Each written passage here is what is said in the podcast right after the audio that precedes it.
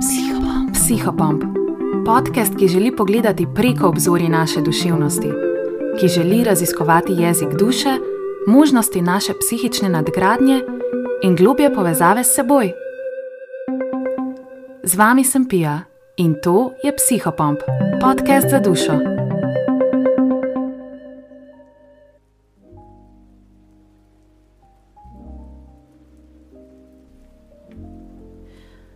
Tokrat v naši oddaji gostimo Marušo Rozman, socialno pedagoginjo, ki se trenutno veliko ukvarja s pravljicami in njihovimi pomeni, tako za otroke kot za odrasle.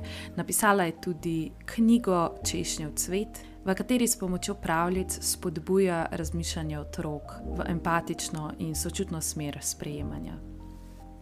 Prav tako pa se lahko pridružite njenemu pravličnemu klubu, ki poteka v skupnostni kavarni vsak mesec. Definitivno počekirajte njen Instagram za več informacij, ki je Marusa počrtaj in počrtaj Fairyland. Tako da boste res na tekočem, kdaj lahko pridete na pravlično raziskovanje, kjer na pravljice pogledajo tudi iz psihološkega vidika.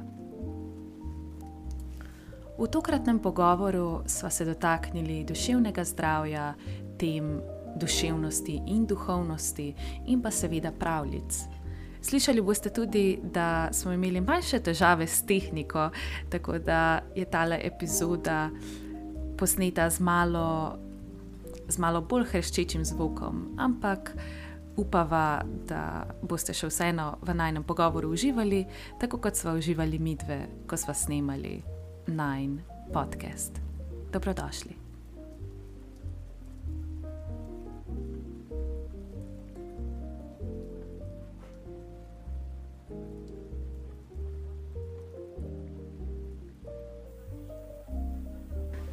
Kot so gotovili, imamo v bistvu veliko skupnih področji. Ja. Ampak eno izmed njih je naprimer, tudi duševno zdravje. Ne? In zdaj uh, rekla si, da ti si v bistvu dosti tega uh, delala na faksu, oziroma te je to mhm. tako nekako zanimalo, privlačalo. In meni je recimo zelo zazvenel to, kar si rekla. Da um, imaš nek pogled na to iz enega sistemskega vidika. In zdaj, jaz sem zelo domača z jungovskim vidikom, na drugi strani pa nimam nekega, recimo, globjega razumevanja ali pa znanja iz sistemskega vidika. In me je to zelo zanimivo. Ali lahko malo razložiš, poveš, tako zanima me, kaj sploh je to duševno zdravje iz sistemskega vidika? V bistvu, če pogledamo um, na duševno zdravje posameznika iz neke sistemske teorije, ne, v bistvu se posameznik obravnava kot del sistema. Mm -hmm. Se pravi, posameznik recimo kot del družine, um, posameznik kot del neke skupnosti, um, posameznik kot del družbe. Se pravi, v bistvu ta sistemski pogled nekoliko v nekem smislu nasprotuje tem pretiranim uh, individualističnim pogledom, uh -huh. ne v mhm. smislu, da, da se ne smejo uporabljati ali pa ta vidik uporabljati. Ampak gre predvsem za to, ne, da ko se mi zavedamo, da, da, da je posameznik del nekega sistema ne, in da v bistvu pride do nekih stisk, ne, psihosocialne stiske, duševne stiske, uh -huh. recimo zdaj so v porastu anksioznosti, depresije, mm -hmm. sploh pri mladih generacijah. Potem, če razumemo, da se v bistvu posameznikovo počutje oblikuje znotraj sistema, je tudi potem podpora in pomoč usmerjena v sistem, mm. a več ne samo v mm. posameznika. A ne se pravi, ta sistemski pogled predvsem nam sporoča, da je pomembno, da ukrepimo tako posameznika, a ne recimo prek nekih svetovalnih procesov, psihoterapije, kar v bistvu je tvoje področje. Mm -hmm. um, in da razumemo psihoposameznika, obenem pa tudi pogledamo, kaj se dogaja v sistemu, kaj se dogaja v družini, kakšne so vrednote v družbi. Mhm. Um, recimo, zdaj zelo močen ta storilnostni pritisk na mlade, yeah. Ja. ali pa tako, pa tudi neke negotovosti v družbi, v uh -huh. identiteti. Zaradi tega so zdaj te krize. Mislim, se vedno, ko prižgemo poročila, pač je spet neka kriza. Ja. Um, tako da v bistvu sistemski govori predvsem govori o tem, da je posameznik del tega sistema in je v bistvu soodvisen s tem sistemom. Mm -hmm. Jaz sem si, mislim, ena, če sem si zapomnila eno stvar iz sistemske, je, da posameznik ne obstaja izven sistema. Ja. Tako smo prepleteni. Ja. V bistvu človek je odnosno bitje. Uh -huh. ne, da, če čisto realno pogledamo, se sam niti ne moreš priti na svet, brez ja. si del sistema. V bistvu. um, ker recimo, kakšne živali so, recimo, kakšne res preprostejše živali so skoraj da ki se rodijo, oziroma pridejo na svet, so opremljene, skoraj da nimajo nekih teh čustvenih potreb. Mm -hmm. Za človeka pa je značilno, da je čustveno odvisen od okolja. Yeah, yeah. Pa se mogoče si slišala za tisti eksperiment, a veš, ko so bile neke opice ali kaj je bilo. Ko v yeah. bistvu je, so bile v bistvu kot dve ne, ne, v eni, mislim, je neka opica bila brez staršev, ja. in potem je bila ena opica, ki je v bistvu dala neko ljubezen, toplino, ki je bila puhasta, mehka, ena je pa dala pravzaprav hrano. In potem je pravzaprav na večkrat hodila k tej toplini, k tej mehkobi. Mm -hmm. Kot da pravzaprav ta čustvena odvisnost, čustvena potreba je še v bistvu bolj pomembna kot neke fiziološke. No? Tako da je res neka osnovna potreba, ta neka um, odnosnost. Neki podporni odnosi, ne? Tako da, ja, ne, in pol tudi, če gledamo iz tega sistemskega vidika, lahko imamo tudi več nekih možnosti, kako lahko uh, interveniramo. Uh -huh, ne, ker uh -huh. ni, vedno, ni vedno nujno, da, da kaj posameznik v stiski, da direktno s tem posameznikom delamo, ali pa to lahko samo košček. Uh -huh. Ampak tudi, recimo, kakšen je šolski sistem, kakšen je, um, ne vem trg dela ali kaj takšnega. Ne? Zdaj recimo značilna velika preobremenitev ljudi. Yeah, ja, zdaj yeah. Ja. je tako po eni strani prav absurdno, da bi mm -hmm. z nekom, ki je zdaj, bola, um, ki je zdaj preobremenjen, začel njemu delati, um, pač ne vem, daje antidepresive, pa antipsihotike, ne, ker ne handla situacije. Je, veli, je v bistvu po eni strani kar ne fair do posameznikov. Uh -huh. Je v bistvu bolj pomembno, mislim, to se sicer dogaja. Ne? Ampak pač vsi vemo, da gre ja. za preobremenjenost na, tem, mm -hmm. na, delu, na delovnem področju. Ne? Ja, um, naš profesor, da, ja. naš profesor, naprimer, um, Mira Možina, če ga kdo izmed vas pozna. Ja, mislim, da je znan. Mislim, ja, mislim, da je spoznan, da je spoznan mm -hmm. uh, gospod. je v bistvu um, nam velikrat na predavanju pove, lih to, um, kako bi rekla, analogijo kako so dejansko preizkušali antidepresive. Mm -hmm. Da so v bistvu delali poskus uh, z neko miško in oni jo kukar.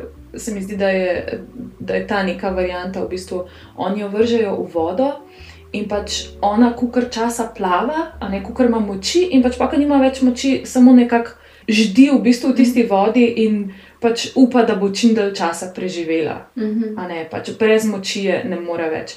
In v bistvu, kar antidepresiv naredi, je samo to, da ta miška še malo dalj časa. Ja.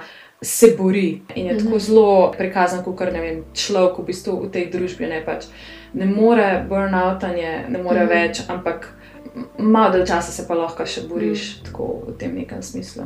Jaz verjamem, da so recimo antidepresivi ali pa recimo antipsihotiki oziroma neka zdravila lahko sestavni del, ne podpore posamezniku in sigurno yeah. Ja. so kdaj potrebni. Yeah. Ja. Uh, se mi pa zdi, da, da, recimo, vse, mislim, da je potrebno tudi neko svetovalni proces ali pa nek mm -hmm. pogled, kaj se mm -hmm. dogaja v sistemu tega posameznika. Ne, še posebej zdaj, ko je porast tega pri otrocih, ja, pri mladih. Ja, ja. Ne, jaz sem um, recimo delala sem v vrtu, pa smo imeli eno predavanje o tem porastu ADHD, -ja. to je mm -hmm. Attention Hyperactivity Deficit Disorder. Ne, se pravi, da otroci um, imajo veliko potrebo po gibanju, težko so primerni, težko so mhm. pozorni. In zdaj se pravzaprav to pri otrocih tudi zdravi z tabletami, z zdravili. In, um, a veš, to, tukaj se mi zdi, pa, da so že neke skrajnosti. Ker sigurno so v življenju človeka neke krizne situacije, kdaj tudi človek malo hoče, da ga v bistvu, nekaj smislu malo čustveno umrtviči, yeah, ja, kar yeah. Ja. antidepresivi recimo naredijo. Ampak se mi zdi, da smo pa že zdaj družba tukaj, da otroci so na teh tabletah, ki so zelo podobne, a ne kot neki. Yeah. Ja. Tako, se mi pa zdi, da je tako kar mal scary. Ja, veš, res je prav tako strašljivo, ne, da imaš ti otroka, ki je 5, 6, 7 let star, je na zdravilih. Zdaj v Sloveniji to še ni toliko, ampak v Ameriki je pa že zelo velika. Ne. Slovenija ja. gre pa i tak po modelu večkrat Amerike. Tako da tukaj se mi zdi pa v bistvu zelo zanimivo. In iz tukaj bi tudi mogoče potrebno pogledati, kaj se pravzaprav dogaja, kaj sistemski pogled. Okay, kaj se dogaja pravzaprav v naši družbi? Ne, recimo, imamo porast odvisnosti od telefonov. Že to, da človek, mislim, otrok je recimo, usmerjen samo v nek ekran telefona, pravzaprav to tudi povzroča to, da pravzaprav potem je teže pozoren. Um, na neke države iz okolja, ki so bolj umirjeni, kar življenje je, ne? ker v telefonu ti na hitro šopa, TikTok ti v eni ja, ja. sekundi da ne vem, tisoč zgodb, pa ne ti v bistvu posreduje. In otroci, pa mladi, zdaj so navajeni teh hitrih državljanov. In če gre kaj počasneje, kar življenje naj bi bilo, v bistvu jim je težko slediti. Um, a veš, v bistvu nismo niti navajeni več brati. Mm -hmm. Tako yeah. da ja. to je problem, veš, če pogledamo. Ni, zdaj, ni rešitev v tem, Mislim, škoda je, da je rešitev v tem, da samo zdravila dajemo otrokom, ali nam izda, da bi pogledali, kaj se dogaja. Kdo sluša od tega, da imamo zdaj to, ta, ta porast telefonov, pa igr, vsega. In tako naprej. Jaz to vidim, da v bistvu zdravila, kot um, definitivno, to, kar si rekla, pač so potrebna v enih primerih in vse, ja. ampak lahko pa delujejo kot neka pokrovka, s čimer ti ja, ublažiš neke simptome, ampak treba je pa kot tista opica, konc koncev, ne? nek ja. stik, neka, neka uh, pot za razrešitev, ja. ker v bistvu pokrivanje, ja, vse gre, ampak kje je to pa na dolgi rok, mm -hmm. s čim ti ostajaš na dolgi rok, kako boš, kako boš živel s temi temami, mm -hmm. konc koncev. Vmes sem hotela te vprašati, oziroma tako malo primerjati kako v bistvu sistemska, uh, sistemski pristop, sistemska terapija, kako dela s človekom, kako ga podpre. Ker recimo mi pri Jungu uh mhm. -huh. veliko dajemo podarka na to, da se v bistvu res. Se pravi, obračamo človeka v njegovo notranjost, mm -hmm. res ga um, usmerjamo ali k njegovim sanjam, k, mm -hmm. v, mhm. bistvu, v bistvu ga um, usmerjamo v to, da se nauči jezika svoje duševnosti, mm. da pridobi neka orodja, da on lahko sam sebe bere in iz tega v bistvu ugotovi, da okay, to pa to se mi dogaja, kam se zdaj usmerjam. Po drugi strani je pa sistemska zelo drugačna od tega. Ja, čeprav po eni strani je tudi. Mislim, tako je, recimo, socialno-pedagoško neko svetovalno delo, je zelo usmerjeno v to, da pogleda sistem, v katerem posameznik je. Mm -hmm. Če je to nek mladostnik, otrok, je to pol družina ali pa ne vem, partnerstvo, družba in tako naprej. Ampak predvsem z nekim namenom, da pravzaprav tudi neke pretirane, kako bi rekla, mogoče obremenitve. Ja. Ker zdaj, ki smo čisto. Um, recimo, usmerjeni na individualno odgovornost, pa tudi sam individualna moč. In je pol pravzaprav malo pretirano, posameznik tudi lahko obremenjen, še posebej pri mladi generaciji. Je pomembno, da se vse uh, recimo s to neko krizo. Recimo lažje je potem, mislim, ne lažje, ampak recimo zdaj se zelo veliko svetovalni delavci, učitelji, vzgojitelji borijo, da bi bil tudi recimo šolski sistem, vrčovski sistem boljši. Ja, ja, v tem smislu se pravi, da se cel sistem podpre. Recimo pri mladih je zelo potrebno delo z družino, ne, mm -hmm. ne samo z otrokom, pa mladim. Ampak po drugi strani se mi pa zdi pravzaprav, če pogledamo nek tak uh, sistemski odnosni model v bistvu, ko si pa ti odrasel, je pa to ponotranjeno, a ne so ponotranjene ja. te igre, te figure, neke starševske, mm -hmm, materinske, mm -hmm. očetovska. Tako da v resnici gre potem za to, da pogledaš v svojo notranjost. Mm -hmm, Ampak da se vprašaš, mogoče. Iz kje to izhaja, ali pa kako se je to integriralo vate. To se je pa integriralo prek nekega, nekih odnosov, ne? uh mhm. -huh. nekih recimo vrednot in tako naprej. Tako da v resnici, v resnici je podobno, če gledamo pa individualno, uh, Kot da je podobno, gre v bistvu, pogledaš, v bistvu, kako se je to oblikovalo v tebi preko odnosov. Mm. Na ta način. Jungo pa verjetno tudi v bistvu, mm -hmm, ali kako -hmm. je pri jungovski psihoterapiji. Ja, v bistvu, zdaj, ko si to rekla, vem, da obstaja ena tehnika, ki se imenuje Internal Family System. Mm -hmm. In um, se pravi, pri tej tehniki se gre za to, da v bistvu, kot vemo, v bistvu terapeut vodi klienta da se pogovarja z nekimi svojimi člani, notranjimi. Mm. In dejansko Jung ima zelo podobno tehniko, samo da se ji pač reče aktivna imaginacija. Mm. In tukaj greš še mogoče. Um, Mogoče še malo več domišljije mm. lahko uporabiš, ker tukaj se gre lahko tudi in za bitja, in za vem, različne pokrajine. In v bistvu mm. vse te pokrajine govorijo o nekih tvojih stvarih. Mm. Um, zdaj, recimo, ko sem uh, trenutno pač izvajam to delavnico v notranje svetove skozi umetnost. In um, je fulj zanimivo, zdaj ne bom govorila, kako je bilo na resnični delavnici, ampak naredila sem pa poskusno delavnico mm. pred, pred mm. pravo delavnico. In uh, na poskusni delavnici so recimo vsi trije udeleženci narisali pač neke tako, mislim, fantastične svetove. Mm. In v bistvu iz tega um, dobili neke svoje uvide. Ne vem, mm. Ena izmed punc je bila tako. Um, ja, ta zelena, veliko sem zelene uporabljala in potem je ostala s tem in je na koncu ugotovila, uh, ugotovila sem zdaj, da je ta zelena v bistvu gnus. Zanimivo. In tako, tako ni tako ozira na to, kako, so, kako je sistem ponotranja znotraj sebe, tebe, oziroma je. Sistem, ampak na drugačen način. Mm -hmm. tok, uh, ni tako veliko sporednic, mogoče z resničnim sistemom, ki je bil, naprimer, šola, ne vem kaj, ne pač ja, starševske figure.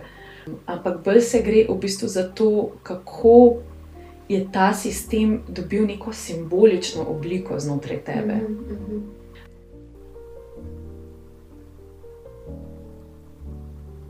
Dejansko se gre v bistvu tudi za to, da v jungovski psihologiji so zelo poudarjeni kompleksi. Se pravi, kaj so kompleksi? Kompleksi so dejansko vsebine, ki se nabirajo čez čas in formirajo, se pravi, neke ključne dele naše osebnosti. Naprimer, zdaj to je zelo težko tako um, abstraktno razumeti.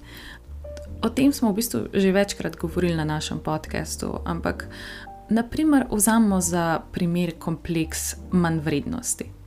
Torej, znotraj posameznika se formira kompleks na podlagi tega, da se v bistvu nalagajo gor vsebine, ki potrjujejo ta kompleks, ne se pravi. Mama je imela rajš brata, potem učiteljica v šoli ga ni marala, potem uh, izločila so ga iz skupine prijateljev, ni dobil prve nagrade, čeprav bi si jo zaslužil, in tako naprej. In tako naprej se pravi, stalne vsebine, ki potrjujejo dejansko, ja, na nek način so to naše miselnosti, naše občutja, naše naravnanosti v svetu. In vedno je tako, da ima v bistvu kompleks neko arhetipsko jedro. Neke vsebine, kot sem jih zdaj omenila, se v bistvu nalagajo čez celo življenje, in potem arhetipsko jedro tega bi bilo pa naprimer žrtev. To je tako zelo arhetipska figura. Se pravi, mi bi v bistvu pogledali ena izmed stvari, ki bi jih pogledal, bi bila, kako se je dejansko posameznik, kako on deluje v življenju. V bistvu se gre za to, Junk je rad govoril o tem, kakšen osebni mit smo si mi interpretirali sami zase, kakšen osebni mit mi mislimo, da živimo. Tako da, ja, v bistvu jungovska psihologija bi bolj gledala na posameznika, tako, kaj, kaj on dejansko misli o sebi, kako velika pomembnost je na tem, kako on sam razporeja te psihične silnice, če temu rečemo tako. In ja, seveda je znotraj sistema, ampak veliko bolj je podarek na tem, kaj posameznik sam naredi iz tega, kar čuti, kar je v njegovem nezavednem in tako naprej. Tako, ne, mhm. veliko bolj se ukvarja z nekimi arhetipskimi sistemi, medtem ko sistemska, čeprav slišim, mm. pa v bistvu. Tako, je malo bolj prizemljena, v bistvu, če smo čisto resnični. Ja, v bistvu to je po mojem super beseda, zaradi tega, ker socialna pedagogika um, večkrat deluje na področjih, kjer so neke take, ne bom rekla, ravno krizne, mm -hmm. ampak v tej smeri, da so situacije, kjer se je potreben odziv. Recimo, ja. socialni pedagogi zelo pogosto grejo v zavodih, mm -hmm. kjer so mhm. pogosto zelo krizne situacije. Tako da je zelo v bistvu prav izraz je življenjska usmerjenost, oziroma usmerjenost v življenjski svet posameznika. Mm. Po eni strani ni, ni, ni še takoj ta točka, kjer bi se lahko človek tako zelo poglabil vase, ker to je v bistvu točka v življenju, ko smo že dokaj stabilni. To je res. Okay. To je res. Da človek pride na psihoterapijo, v bistvu v redu funkcionira, fino je, mm -hmm. zdaj bom šel pa se še dodatno poglobiti vase. Kdaj pa pri v določenih situacijah je potrebna takoj hitrejša, recimo, neka reakcija.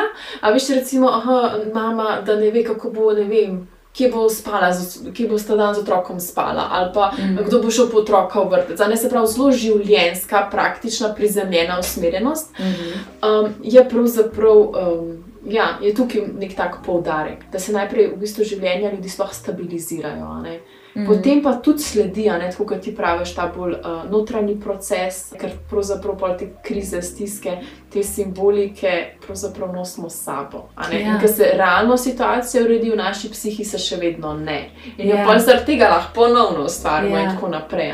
Ampak ja, socialna pedagogika se pa mičken bolj usmerja na realnost. Mhm. A ne v smislu, kaj je zdaj, ne, ali pa če človek v neki krizi, finančni krizi, čustveni ja. krizi. Um, Mislim, definitivno. ja. Definitivno je treba pač ja, naprej ta Ja, ja, svet ja. ja. poštimati, pa pa v bistvu je čas, da lahko ti v svojo dušo pogledaš, pa Ja. ja. pač tukaj pa malo, ne vem, rasteš, gledaš naprej. Tako kdaj se mi zdi, da v bistvu to, da se tako ukvarjaš s svojim duševnim zdravjem, pa recimo osebno rastjo, je kar nek, kot nek privilegij v resnici. Ne? Ja. Po eni strani je zelo zahtevno, ne, in veliko se govori zdaj tudi o stiskah, pa imamo milijon poimenovanj za razne, ne vem. Načine doživljanja, pa stiske. Pa to.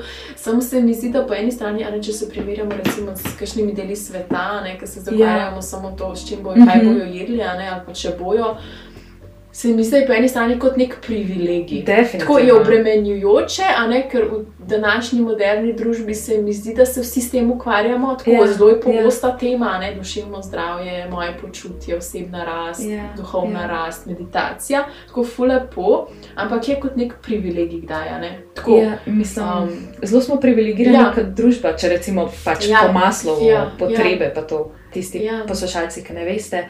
Um, skratka, maslova piramida potreb. Mogoče lahko zdaj lepo iščete, če imate slučajno pri roki, kakšen telefon. Ampak v bistvu se gre za to, ne, da um, kot ljudje, kot, kot posamezniki in kot družba.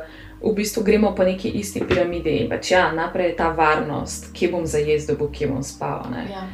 Skratka, potem v bistvu skrb za neko osebnostno rast in to je nekje četrto, peto mesto zgori. Um, Ja. Tako da ja, se strinjam, pač res, res imamo privilegij za to. Pač po eni strani se mi zdi zelo zanimivo, ne, ker, um, ker um, mislim, prisoten je velik poraz duševnih stisk. Mm. Um, po drugi strani se pa prej o tem sploh ni govorilo. Ja. Ja. Veš, tako da je tudi vprašanje tega, a veš, a je res poraz, porast ali pač mm -hmm. -hmm. se o tem govori. Mm -hmm. ne, včasih se je ne, otroku, ki je imel avtizem, reklo, da je asocialen. Ja, ja, Mislim, po mojem je res, da ne bom rekla, da ni, ne, ker tudi številke kažejo o tem, ne tudi porast samomorov in tako. Sam se mi zdi pa tudi to, da se ljudje s tem več ukvarjamo in se bolj siciramo, bom rekla. A veš, Mhm. vsak ima vse tisoč diagnoz, se mi zdi, a ne. Um, tako da je zanimivo, mislim, um, definitivno smo se prej z nečim drugim več ukvarjali. ne. Ja, Zdaj pa pač tako nekako obdobje debelih krav, kako bi rekli, ja. iš. Tako da je pol več prostora pač za to. Tako kdaj se mi zdi, kot da, kot da smo zdaj v obdobju, to je malo takšna moja osebna duhovna razmišljanja, ampak kot da smo v nekem obdobju, kjer vse, kar je bilo v preteklosti potlačeno, ne naši Mm. pradedki, prababice so pač doživljali vojne. Ne? Ja, In to je bilo vse potlačeno, oni se niso ukvarjali s to vojno. ja, Mislim, ja. so se, ampak ne na psihični ravni. A Ne, in se mi zdi, vse, kar se je potlačevalo, šlo, kar rečejo, da vojna mm. ali pa neki Mm. krizni dogodki uničijo par generacij, oziroma vplivajo na par generacij. Ne? In se mi zdi, kot da smo mi generacija, ki pravzaprav odpiramo, kar je bilo potlačeno, kot da v Ja. naši krvi teče kri naših prednikov. Ja, In, itak. in da se v bistvu to dviguje. In tako da mi se zdaj s tem ukvarjamo. Ja, prej se je ja. nabiralo, v bistvu je šlo za preživetje, ja. zdaj pa se v bistvu gre za, rečemo, željo po boljšem življenju. Mhm. In po eni strani je privilegij, ampak da prideš v to, je tudi potreba nekako sp nekak spucati ali pa osvoboditi se teh, kot smo prej rekli, a ne. Um, vse, kar smo ponotranjili, pa ne samo mi, ampak okay, tudi čez vzgojo, so, pa tudi tako malo genetsko se mi zdi, tako nekako, da zdaj se osvobajamo nekih vzorcev, ki so že medgeneracijski. No. Tako da se mi zdi, da se zdaj prav malo obsedeno s tem ukvarjamo.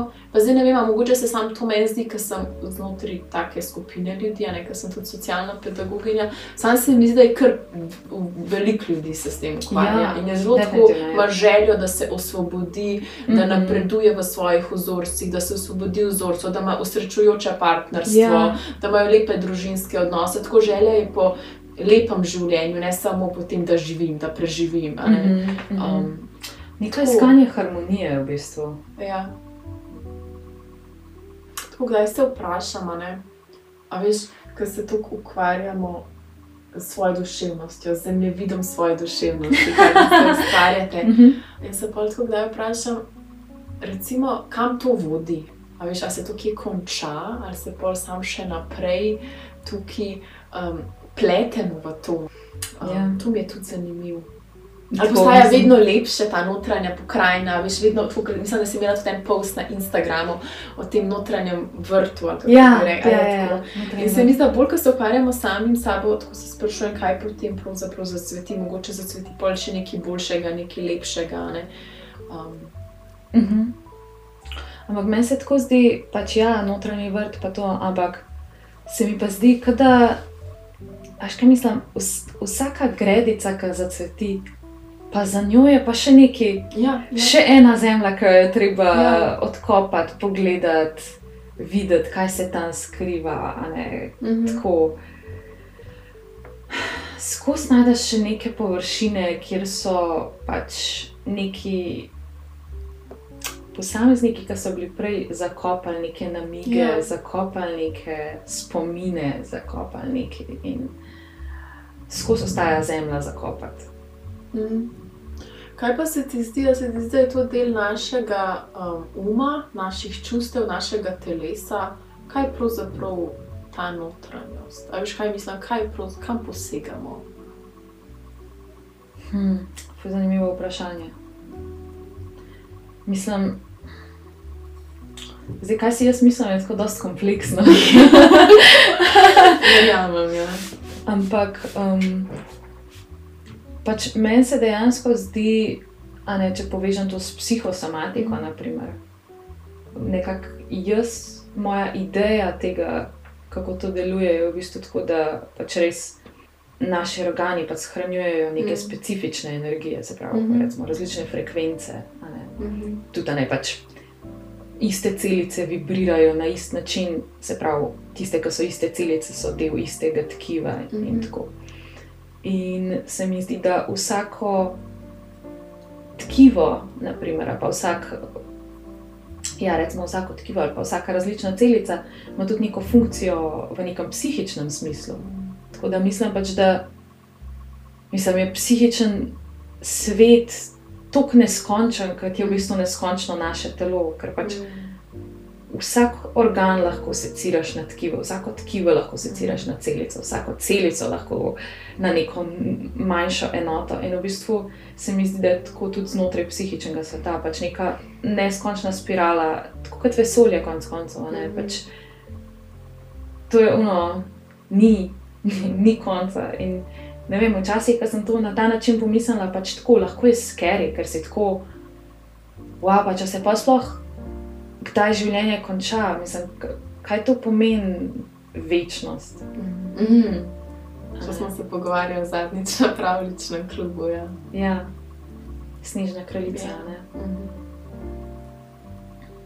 Jaz se zato vprašam, ker meni se tudi zdi, da, da ima človek tudi v sebi del neke duhovnosti, a ne? Mhm. ki pa mogoče celo preseže ali pa gre onkraj nekih človeških, tudi omejitev. A veš, ker v Mhm. bistvu to nenehno, recimo, um, neke ti vzorci vsebine. Ne? Mhm. Se mi zdi, da je tudi nek tak duhovni aspekt, kjer se to, kako bi rekla, lahko. Hmm, ne, kako bi opisala, da ne bo čudo se slišala, ampak da nekako pustimo, da ta kozmična duša prodre v nas, ta neka večnost v bistvu. Ne? Mhm. Um, da prodre v nas ta večnost, kozmična duša, eni pojmenujejo Bog, eni življenje. ne. Ali In- pa in- kolektivno nezavedno jung. Mm, kaj pa vem, jaz ne vem, če bi to rekla. Ja? Rekel, ne, ker res to štejem kot še nekaj drugače. A veš, Ok. ker, je- ker kolektivno nezavedanost se spet tiče človeka. Veš, Dobro, to je res. Da, res, ne, jaz bi prav rekla tako, da je ta kozmična duša stvarstva, ki je onkraj, recimo, planet Zemlja ali pa človek.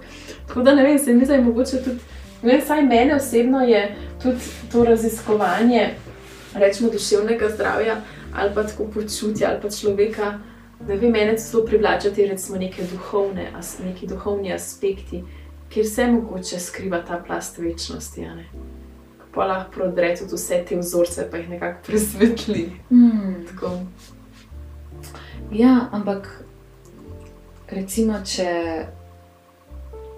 če, če eh, povežem to z nekimi, recimo, temu, okviri teorije, da bo tako. Da ima probat.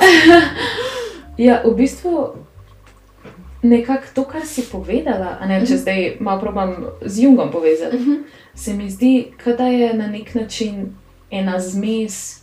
Na eni strani tega kolektivno nezavednega, hkrati pa v bistvu sebstva, ne, ki je nek tak Bog znotraj nas, naprimer. ne. Aha. A mi poveš kaj več o sebstvu, to, ko si rekla, Ja. ja. znotraj nas? V bistvu sebstvo, pač Jung ima to teorijo, da so pač različni arhetipi znotraj, Mhm, mhm. znotraj vsakega človeka. In to je, kot smo rekli, že persona, a ne neka maska, ki jo kažemo zunaj, senca, se pravi deli, ki jih ne vidimo, nočemo videti, Mhm. pa kjer so tudi naši potencijali. Um, potem imamo animo animusa, to sta malo bolj kompleksni figuri, pač ki nas v bistvu povezujeta z nekim tem malo bolj mističnim svetom sanj in tako. In potem na koncu, a ne nek glavni upravljalec na nas, je pa dejansko sebstvo. In to je tako, kot neka. Um, Hkrati bi lahko rekli najbolj izpopolnjena različica nas, ampak hkrati je pa skupek vsega, kar mi smo, in zavestno, in nezavedno. In se pravi, kot neko um, Bog znotraj nas, zakaj je to poimenovanje? Zaradi tega, ker je kot nek prejemnik oziroma oddajnik nam, kot ego, intuicije, nekih poznanj. a Ne, tako, Um, zelo je kot neko, če bi ga zdaj primerjali z nekimi mogoče. Konec koncev, ali religijami, ali um, filozofijami, bi lahko mogoče tako vlekel neke usporednice z nadjazom ali pa pač neko res. Um, ne, zdaj, stalno, ko to govorim, zanimivo, stalno, ko to govorim, se mi v bistvu stalno prikazuje v mislih tako nek svetlo, svetlobni obris. Pač, mm. V bistvu svetlobno bitje znotraj nas. Pač, Mhm. mogoče se to sliši malo tako, ampak Mhm. tako stalno, ko to govorim, mi pač gori znotraj glave ta slika. Mhm. Um, tako da bom to tudi rekla, evo, svetlobno bitje znotraj nas. Tako to, tako to nekako jaz doživljam.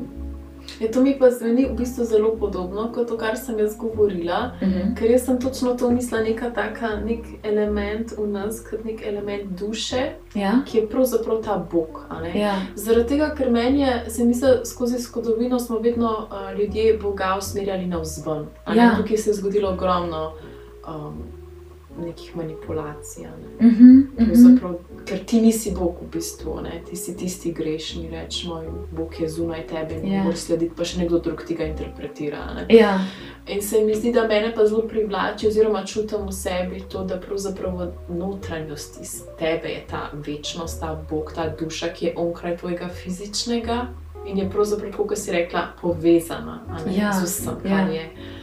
S tabo kot človek in z vsem, kar je onkraj tega. ne. ja, Da, ja, to mi je pa v bistvu zelo blizu ta Bog znotraj sebe. Ja. Da se v to usmerjaš in tudi po neko vodstvo, ali pa da se usmerjaš v Boga znotraj sebe. ne. mhm. Um, Ja, v bistvu, ker pri pri jungovski psihologiji se gre lih za to, da ti kao lupaš plasti. In sebstvo je kot neka mm, najbolj notranja sredica. Pač to je čist na koncu in da tja ja, ne moreš priti čist do konca, ker te pač bi te skuril, kot sonce. Ovako zanimivo. Ja, vedno obstajajo plasti, ki bodo še, ampak uh, sebstvo seva skozi vse naše plasti, skozi vse, kar počnemo. Zanimivo je tudi podobno, kot sem jaz rekla, veš, da, je tako, da je ta nek del, ki presvetli potem vse Ja, te dele. In to ja. se meni točno zdaj, ko se usmeriš v ta sebstvo ali pa dušo, zdaj rečem kar duša. Je potem pravzaprav, da se stvari um, omehčajo, pa presvetlijo. Uh -huh. A veš, tako v nekem tem malem, mal pravzaprav mističnem smislu. Ja, ja. Um, tako da, ja, to, to, je me, to, to mi je zelo zanimivo.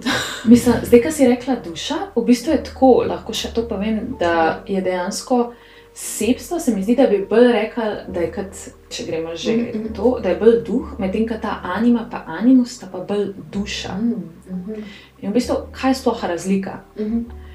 Duh na eni strani nas zelo povezuje z nekim, recimo, tem, v narekovajih božjim. Prav nekimi duhovnimi temami, mm -hmm. to je ista beseda, isti koren. Mhm. Medtem ko anima in animus, se pravi duša, pa bolj z duševnimi temami. In to so Aha. v bistvu, veliko bolj je taka figura, ki še vedno ohranja nek stik zunanjost, notranjost. a Ne, bolj se gre za, se pravi, globje teme, odnose, ampak tukaj, kako bi rekla, horizontalno na tem planetu Zemlje. Se pravi, Mhm. naprimer, čutenje globje tvojega sočloveka Mhm, mhm. iti noter v emocije, zdaj globine teh tem, ne, ful, ful se gre neka ta globina. Mhm. Medtem ko duh bi pa rekla, da je ful ta veličina, višina, mm -hmm. tako povezanost z nekimi ne vem, intuicijami Ja, in tako. stvarstvom. Ja, Veš, kaj sem zdaj tudi pomislila, ko to govoriš? Recimo, v angleščini se reče ne? ja, V slovenščini pa duša. ja, In duša pravzaprav spominja na dušo, duševnost, ja, a veš, ki je v bistvu res področje duševnega zdravja, duševnosti, a ne, se Mhm. pravi čustva, vse to pravzaprav. Ker sol pa po mojem se interpretira bolj na nivoju duha. A veš, kaj Mhm, mislim? mhm, mhm, A veš? mhm. Ker jaz sem pravzaprav mislila bolj ta duh sol, a ne? Ampak spirit, a veš, A ja, to- spirituality, naprimer. a Ja, to pa imaš tudi prav, v bistvu spirit, spirituality. Ja, Pa v bistvu se tudi pri nas. Dušeslovje, pa duh, duhovnost. ja. ja. Mm. V bistvu je tako fuz zanimivo, kako sploh ne uporabljamo, te, mislim, tako, ne uporabljamo teh izrazov, Ja. niti se ne poglobimo noter, ampak v bistvu pa same besede ogromen povejo o ja. Strukturi stvarstva skoraj Ja. okrog nas. Jung je drugače tudi veliko delal na tak način, da je v bistvu Mm. pogledal besede in potem raziskoval, iz kje izhajajo, kakšen je njihov originalen pomen. In, tako. in se mi zdi, da si je v bistvu tudi on na ta način tako zelo razlagal, kaj je neka skrita resnica, v bistvu, ki je vsak dan izgovarjana vse okrog nas. V bistvu so um, besede kot neki simboli. ne? Ja, ja, Tako ja. tudi se mi zdi, da so besede zelo pomembne.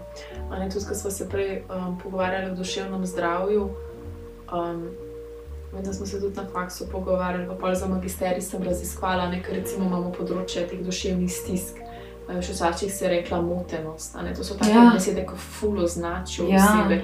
A veš, je čisto drugače, kot če rečeš, da ima izzive na tem področju, mm -hmm, ali pa da so mhm. interakcijsko pogojene težave. Mm, mm. Tako, um, tako da se mi zdi, da te besede res kažejo. V bistvu imajo Ja. moč, besede Ja. imajo moč, da pol ljudi na ta način tudi razmišljamo. So kot ene zgodbe, ne, kot ene pravljice. Ki se pa še o pravljicah pogovarjali, ampak dejansko imajo moč, da, um, Definitivno. da oblikujejo naše razmišljanje ne, Mhm. o stvarih. Ja, zdaj, ko sem bila um, v Turčiji uh, in nam je vodič v bistvu povedal eno tako zelo zanimivo stvar, da v času Turkov niso bolnice rekli bolnica, ampak so ji rekli kot ozdravilnica. Mm. Ali je bila direktno to, sem se spomnila, ja, pač. Ja. Kako je te boljš, da prideš v ozdravilnico, Ja. ne pa v bolnico? Je sam res, ja. Pa kdaj se nam zdi nekaj tako samoumevnega, kot že toliko časa uporabljamo, Ja. človek sploh ne pomisli. a Ne? Uh -huh. A Recimo bolnica. Ne, Ja. nikoli nisem pomislila.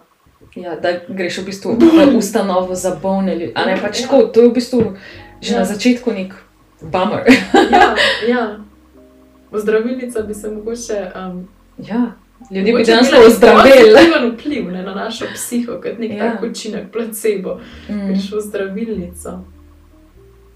Ja, ampak tako kot si prej uh, tako, um, postavila tirnico, da tako rečem. Ne, ja, vse besede, ki so v bistvu neki simboli, so pa tako osnovni gradniki, konec koncev, pravljic. Mm. Ja, pravljice imajo tudi zelo močne simbolike. Um, se mi zdi, da so to ene take, po eni strani izgledajo zelo preproste in kratke zgodbe, ki imajo pa zelo močne simbolike in arhetipe. Mm -hmm. In mhm. mislim, da je Glih Jung rekel, da so to neki, tudi neki osnovni arhetipi človeškega nezavednega. Ja, ne? ja. Tako da ne, se mi zdi, da pravljice imajo ogromno nekih teh temeljev, mm -hmm. da potem pravzaprav ljudje tudi lažje razumemo sebe. Mm. A veš, kaj, če pogledamo, kaj pravljica je, pravljica je napisana pravzaprav z namenom, da se preda otroku, da otrok čim hitreje, pa čim boljše integrira družbo. O tem, kaj družba je, česa se bojimo, kaj si želimo, kaj pomeni biti moški, kaj pomeni biti ženska, kaj so odnosi. Mm -hmm. in, in po eni strani um, je zelo fino te stvari pogledati, ker potem tudi lažje raziskuješ te pomene. In tudi imaš možnost reflektirati te pomene. Mm -hmm. Veš, ko so ti v bistvu pogosto samo predanja. Ne? Tako da je se mi, da se v pravljicah skriva neka taka moč samospoznavanja, moč transformacije, mm -hmm. s tem, kar se ukvarjaš s temi pomeni, simbolikami, arhetipi. A veš, tudi zanimivo je, Ker za otroke je značilno, da so podobe čim bolj preproste, zaradi tega, da jih otrok lahko sprejme. Ne? Se pravi, podoba iz, pač ima močno glasnost, recimo zelo prijazna, zelo nesramna, um, a ne tako. Te, uh, poudarjene so stvari. In s, poda, s tem poudarjenjem lahko se oblikujejo zelo zanimivi arhetipi. Ker za arhetipi je pa tudi značilno, da ima neke močne lastnosti. Ta ženska je izredno hladna, recimo snežna kraljica, hladna, lepa, nevarna, lepota. Ne? Um, In se bolj oblikujejo ti neki arhetipi, ki so del človeške psihe. Mm -hmm. Tako da se mi zdi, da se ful velik skriva v pravljicah. Tako prav te plasti so, ne? te različne pomeni, interpretacije. Mm -hmm. um, mm -hmm. Razlagajo pač točno določene vzorce. Ja. Ki so znotraj ja. konc koncev družbe in nas, ne vse, kar je od zunaj, ja. je pač znotraj. Ja, pravzaprav so namenjene temu, da jih otrok ponotrani. Ja. um, tako da ja, razlagajo neke vzorce, ja, neke značilnosti. Mene se kdaj vprašam, na kak način so to tudi pisatelji pisali. Mm. Ker, veš, mogoče, pa, mogoče so pa izhajali iz nekega, nekega sepstva, kako bi rekla, ker so se prej pogovarjali. Ker si predstavljam, da so umetniki in pisatelji pogosto zelo intuitivni mm -hmm. ljudje. Mm -hmm. Ker po eni strani mi dve zdaj bova to malo se tudi pogovarjali, tako na tej, a veš, probali razumeti, ne secirati yeah. Ja. stvari. Same sem pa kdaj občutek, da umetniki tudi zelo intuitivno, ne tudi mm -hmm. tako ne mhm. razmišljajo to na ta način. Definitivno, da ne razmišljam. Ampak, ampak se to ustvari, um, ja, pač je tako učinek. Sebstvo, ki seva skozi vse njih. Ja, ja, sebstvo, ki jim predate zgodbe. Točno to, točno to. Sploh za pravljice, ki se prenašajo iz roda v roda. Veš, to so ja. pogosto pravljice, ki so pravzaprav, a ne tudi Hans Christian Andersen, ja. brata Grimm. To so tudi v bistvu pisali pravljice, ki so bile preljubske pravljice, ne pa so dali še neko svojo noto gor. Ampak to so pravzaprav neke človeške zgodbe. Mm -hmm. um, Tako pa tudi, ne vem, če gledaš pravljice iz različnih geografskih območij, recimo slovenske, ja. pa skandinavske, pa ne vem, japonske. Pač različne pravljice, vsi imajo značilnost te kulture. Točno to, v naših ljudskih pravljicah je zelo pogosto neko, mogoče tudi. Neka hrana, ki je bila pri nas, mislim, da je mhm. ena pravljica, neka repa in krompir ali nekaj. Ja. Jasno ti da vedeti, ne? potem o revščini, o nekem trudu, o preživetju.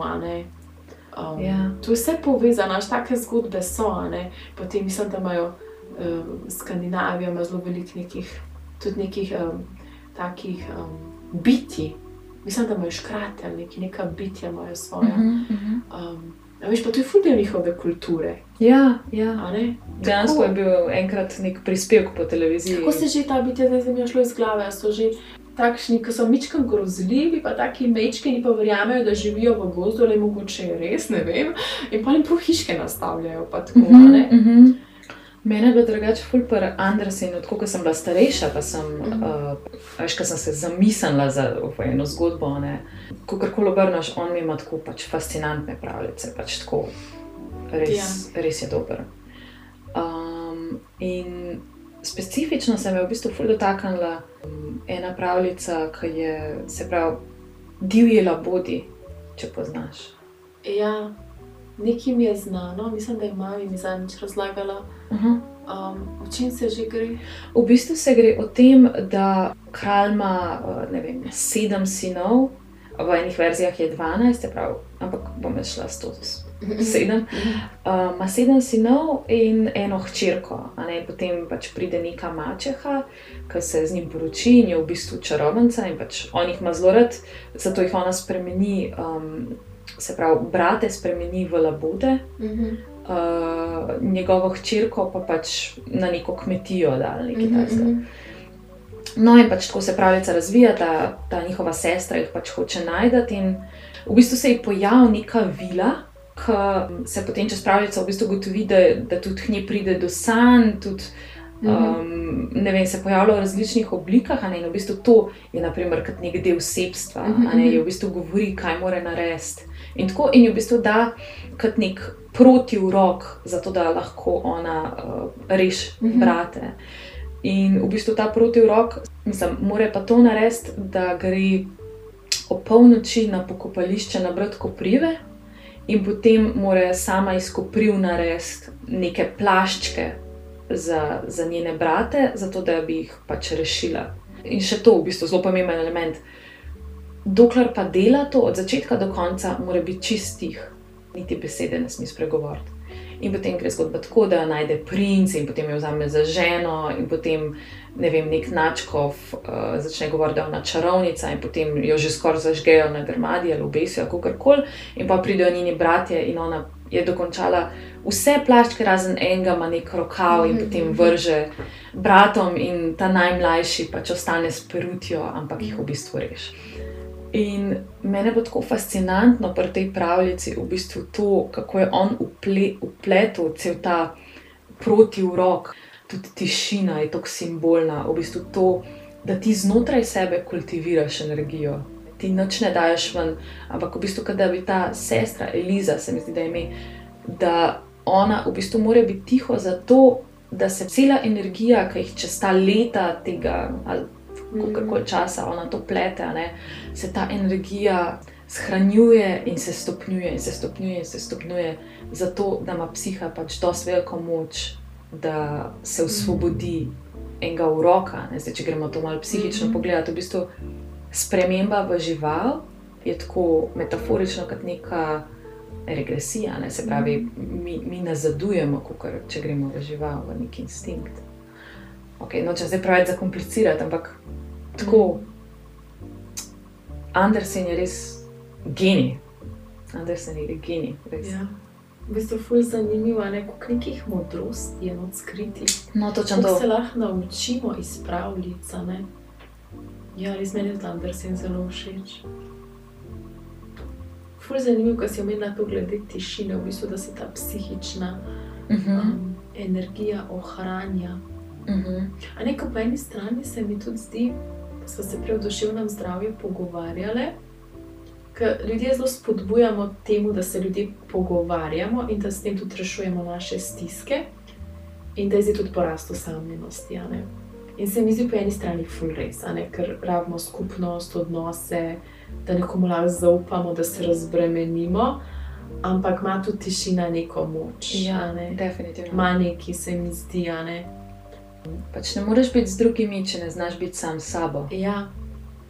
Pa tudi v tem, kar si sam s sabo, se v bistvu oblikuješ v sebe, mm -hmm. še bolj. Mm -hmm. Ta pravljica, ki si jo zdaj omenila, je prav, jo je, mislim, jo je ona rekašna, ki je izhajala iz ljudskega izročila, pa je potem on pravzaprav jo samo zapisal. Um, Ker se mi zdi, večkrat zelo opažam, da te pravljice so bile v bistvu ljudske pravljice. Ja, potem imajo še več, več, več ja. te kolektivnosti mm -hmm. in globine. Mm -hmm. in, um, in v bistvu so se prenašali iz roda v rod, in je vsak še kaj dodal ali kaj v hrano, kar je bilo res. Ja.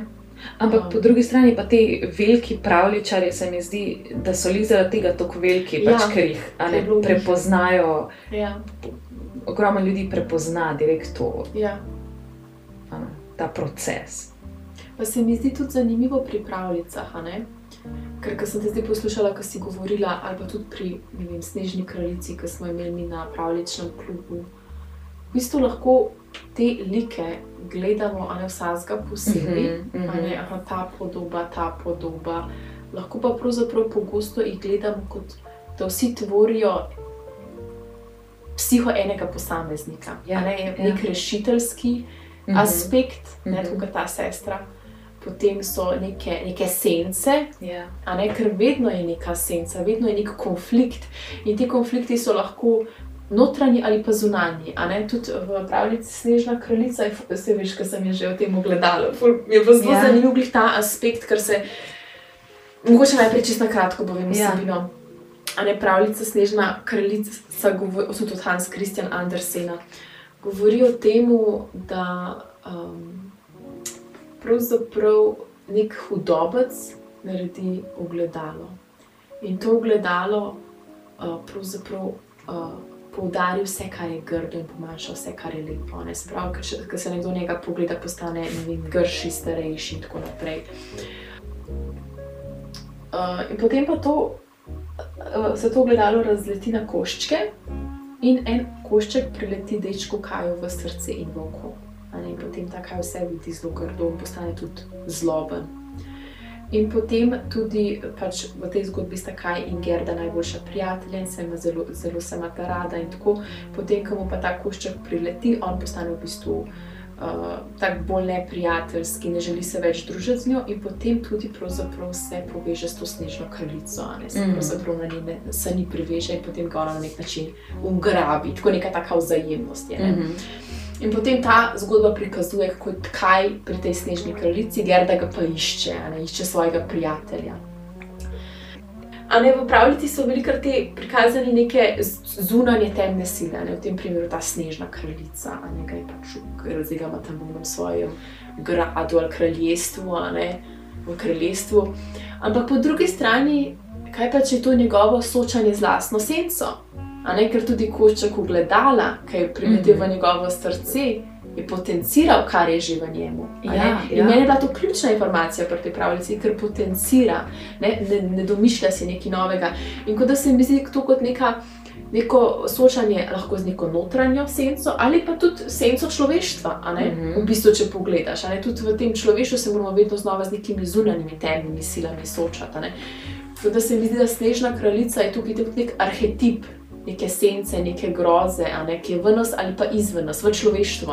Mm -hmm. um, tako da se mi zdi tudi neka taka pot soočanja, samo spoznavanja. Mm -hmm. in, um, in spet po eni strani, spet nekih velikih delov, mislim, likov, ali lahko, lahko pa to predstavlja znotraj enega posameznika. Mm -hmm. ne, neka senca, pa Gerda, ki išče, ki je rešiteljica, pa nekdo, ki se utaplja v tej senci, pa ki se težko sooča s tem. Tako spet um, zanimivo. Ne? Uh -huh, uh -huh. Ja, mislim, jungovska psihologija defin, definitivno v bistvu bazira na tem, ja. da je to kot nek. Um, ne, da bi imeli nek recept za eno jed, samo da je vsaka pravljica en recept, kako se iz določenih psihičnih situacij mhm. dati ven, ali pa kaj se lahko zgodi, kako potem. Ker ne vem, če ste opazili, ampak pravljice, vsaj Dobar, najbolj ljudske pravljice se mi zdi, da recimo v rdeči kapici na koncu vok požre, to je to, ne? ni nobene resolucije.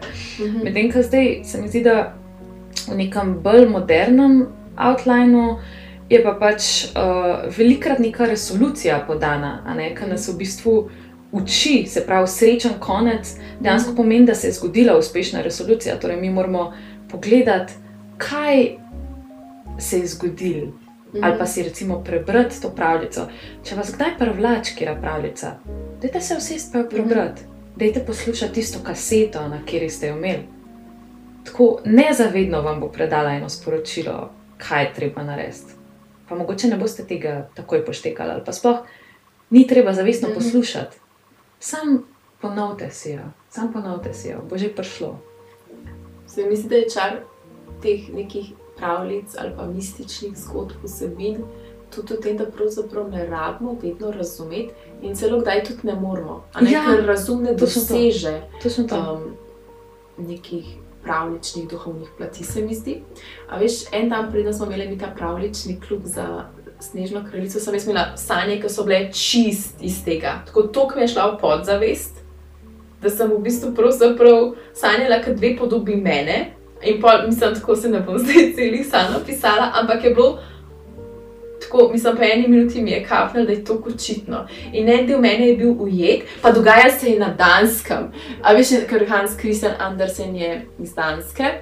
In sem bila na koncu, oh moj bog, kako je v bistvu ta pravljica prodrla vame, v mojo podzavest. Tako da te zgodbe velikrat bolj kot v zavest, pa mogoče še bolj, da damo um na stran, pa da prodrejo sam v podzavest, kot neka meditacija, kot neka taka. Ja, ja. Um, Mislim, vse konc koncev, tudi ko mi pravico beremo ali pa jo poslušamo, mi že gremo čez ta proces, mi sploh ja. ne rabimo delati. Ne? Mi ja. že gremo, mi smo že z rdečo kapico v gozdu, ja. mi smo že rešeni. Naprimer, v kakšnem smislu? Ja. V smislu, da se samo oživiš. Ja, da, da ta uživitev je ključna. Ja, ja. V smislu pač, da tako ne vem, če smo mi. Um, konc koncev, tudi če gledamo film, mi smo na pol noter v mhm, filmu, uh -huh, uh -huh. a ne pač nekdo, ki um, strašljivo prihaja v hišo z počasnimi koraki, nas je strah. Čeprav uh -huh. vemo, da mi nismo noter v filmu. Uh -huh. ne, na tak način v bistvu tudi pravljica deluje na nas, čeprav mogoče mi ne čutimo, ampak ustvarja se napetost, takrat, ko je napeto. Uh -huh. Tako, sicer manj, ker pač ni tako senzorično ne, mm. močna, kot ne vem, neka grozljivka, ampak vseeno, gre se pa v bistvu za isti princip. V bistvu nam že način pisanja nekako dovoli, da se uživimo, ob enem pa. Mislim, da se uživamo, veš, ker je vedno tako nekako za devetimi gorami. Ja, ja. Neki, in si dovolimo, da se en del nas čisto uživi. Točno to. Ker po eni strani vemo, da ni tukaj in zdaj, ja. ampak da je tam nekje. Ja. Ampak s tem nam pusti, da se popolnoma uživimo ja. na nek način. Pa tudi, a veš, kaj si umela, da mogoče ni tako intenzivna kot recimo grozljivka.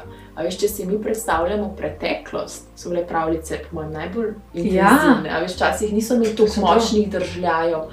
Ne, mi, mhm. smo, mi smo pač ljudje v današnji družbi, smo postali nekaj razvajeni tukaj, da ja, ja. v bistvu mora biti res ful intenzivno, pa glasno, mm -hmm. pa brvito, da ja opazimo stvari. Mm -hmm. Ampak včasih so bile pa pravljice res tako magične. Ja, Veš v primerjavi z življenjem, ki je bilo zunaj. Ja. Um, tako sem brala tudi eno. Um, knjigo berem, zakaj otroci potrebujejo pravljice. Uh mhm. -huh. In piše avtor o tem, da se mu zdi škoda, da so zdaj otroci obremenjeni s tolikšnim, pač toliko držljaj, da pravzaprav že pravljice morajo biti tako malce ja, ja. pretirano pisane. Pa, Te podobe morajo biti tako že pretirano grozljive, pa tako nerealne. Ne? Da pravzaprav uh, se mu zdi škoda, ne, da ni bolj subtilnih, recimo, nekih podob, ne, tudi pri ilustracijah, ne, ker v bistvu otroci jih več ne procesirajo, ne, v bistvu rabijo fulmočno. Če so otroci na TikTokih, pa ja, ja, tako ja. se to oni opazijo, ne, pravljica ni več zanimiva, ne, um, kot je bila mogoče včasih. Čeprav mm -hmm. težko rečeš za včasih, v resnici. Mi zdaj, kdaj govorimo o preteklosti, pa v bistvu to ne, ne poznamo. Ne. Ampak sigurno je imela mogoče, verjetno še večjo moč. A veš, če si predstavljala, imela pravica še večjo moč, ja. transport, da te je transportirala nekam mm -hmm, drugam. Ne? Mm -hmm. Ja, tudi to je v bistvu, mislim, gre se tudi za to, da konec konca smo človeška bitja skozi pravljico, mi se pač z enimi liki se identificiramo, ja, ja. z drugimi, mislim, čustvujemo, mm -hmm. uh, si želimo biti kot oni, jih zavračamo. Konec koncev tudi. Mislim, ok, pravice so zelo, kot si prej rekla, ne poudarjene. Nekdo je zelo, mm -hmm. pač dober, nekdo je slab, veš, koga boš mhm. bral. Ampak konec koncev, mogoče pri kakšnih bolj kompleksnih zgodbah, si pa tudi mi zberemo like, glede na to, kako je znotraj nas, koga bomo imeli radi, po komu se bomo zgledovali. Tako. Ne smemo pa zabiti, da nisem ena stran, nisem to, da mi slišimo pravico proces se v bistvu znotraj nas dogaja, glede na vse, mm -hmm. kar smo doživeli. Pa tudi v dobrih pravljicah se mi zdi, da nekako gre za neko integracijo dobrega in slabega. Ne kljub temu, da gre za podarjeno dveh teh dobro in mm -hmm. slabo, snežna kraljica ja. je slaba, Gerda je dobra. Recimo. Pravzaprav pravljica ceni ta proces. Recimo tudi pri Snežni kraljici, potem ko se eh, Kaj in Gerda, ko sta se soočila s Snežno kraljico, sta lahko odrasla, sta lahko razumela več o življenju, kar je pač napisano. Ne? Tako da se mi zdi, da tudi pravzaprav tako dobre pravljice te boj med temo in svetlobo na nek način integrirajo, uh Mhm. -huh. da se pol oseba, ne, tako je šla čez ta notranji konflikt, ne, ali da je premagala zmaja ali da nekaj se je zgodilo, ne, postane ta oseba močnejša zaradi tega. Ni prikazano v smislu škoda, da se je zgodila ta Ja. soočanje s senco Ja. in s temo in ta notranji konflikt in ta temna sila, ampak je v bistvu to bistvo pravljice. Ja. Da, da v bistvu Da ne samo premagamo, ampak mogoče premagamo celo z integracijo. Ja. Tako da v bistvu tako kot je neka želja ali pa neka pot, v bistvu tudi čez naše izkušnje. tako Zelo se mi zdi, da se vsi prizadevamo, jo, kako pač to vzamete, mm da če se nam zgodi kaj slabega, neka, neka pot je, da v bistvu začneš dojemati to kot nek dar, da, kar ti je bilo dano. ne. Mhm. Ja, šit. Če se mi pa to ne bi zgodilo, pa danes ne bi bil tukaj, ali pa ne bi Mhm. dojel tega, tega, ali pa še vedno bi bil tam nekje. Mhm. V bistvu, tako kot so dobre pravljice, tako je tudi neka dobra psihološka izkušnja, mhm. e, ima enake um, integracijo dobrega in slabega. Mhm. Res se mi zdi, da imamo tako veliko enih tem, na kere se lahko tako priklopa druga na drugo in hkrati tako. Uh, ful mi je všeč, ker ne samo, da se lahko priklopa, ful lahko širva. Mhm. In vsaka ima tako, mava skupno, ampak vsaka ima tudi nekaj, kar druga nima. Tako da, ful ti hvala za ta pogovor, za tvoje znanje, um, za tvoje deljenje. In res sem vesela, da si prišla in upam, da še kdaj narediva kaj podobnega. Ja, najlepša hvala tebi za povabilo. Z veseljem. Hvala, da ste bili danes z nami in si vzeli čas za svojo psiho. Do psihopompa lahko dostopate preko naše spletne strani, kjer lahko pustite listek s svojim mnenjem in izkušnjo, ali na našem Instagramu in Facebook profilu, kjer bomo zelo veseli vaše podpore, komentarjev in sharinga drugim. Hvala za vaše poslušanje in k malu naslišanje, vaš psihopomp, podcast za dušo.